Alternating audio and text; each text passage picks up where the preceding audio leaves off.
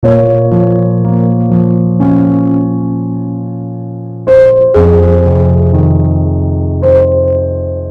pun yang kita lakukan dan yang kita perbuat, bisa saja membuat orang merasa disalahkan, didukung, terprovokasi, atau apa pun itu rasanya.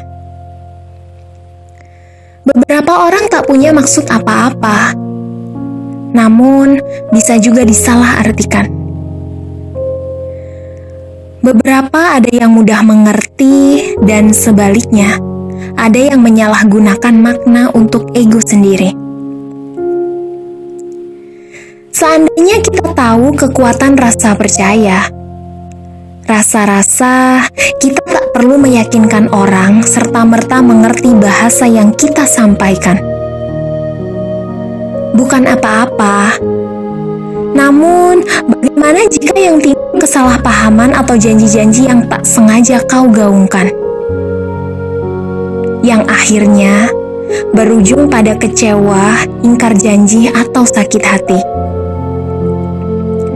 Perasaan sendiri saja terkadang terlalu penuh, dan kurasa kita tak perlu bertanggung jawab atas perasaan mereka. Padahal permasalahan cuma satu, bahasa yang dilakukan tanpa pencernaan.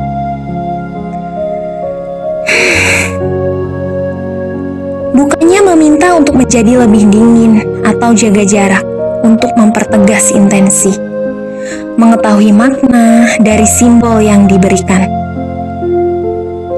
Tanpa berbicara pun, sering kali kita mampu mengetahui maksud Saling menjaga perasaan itu yang perlu. Kenapa seperti itu?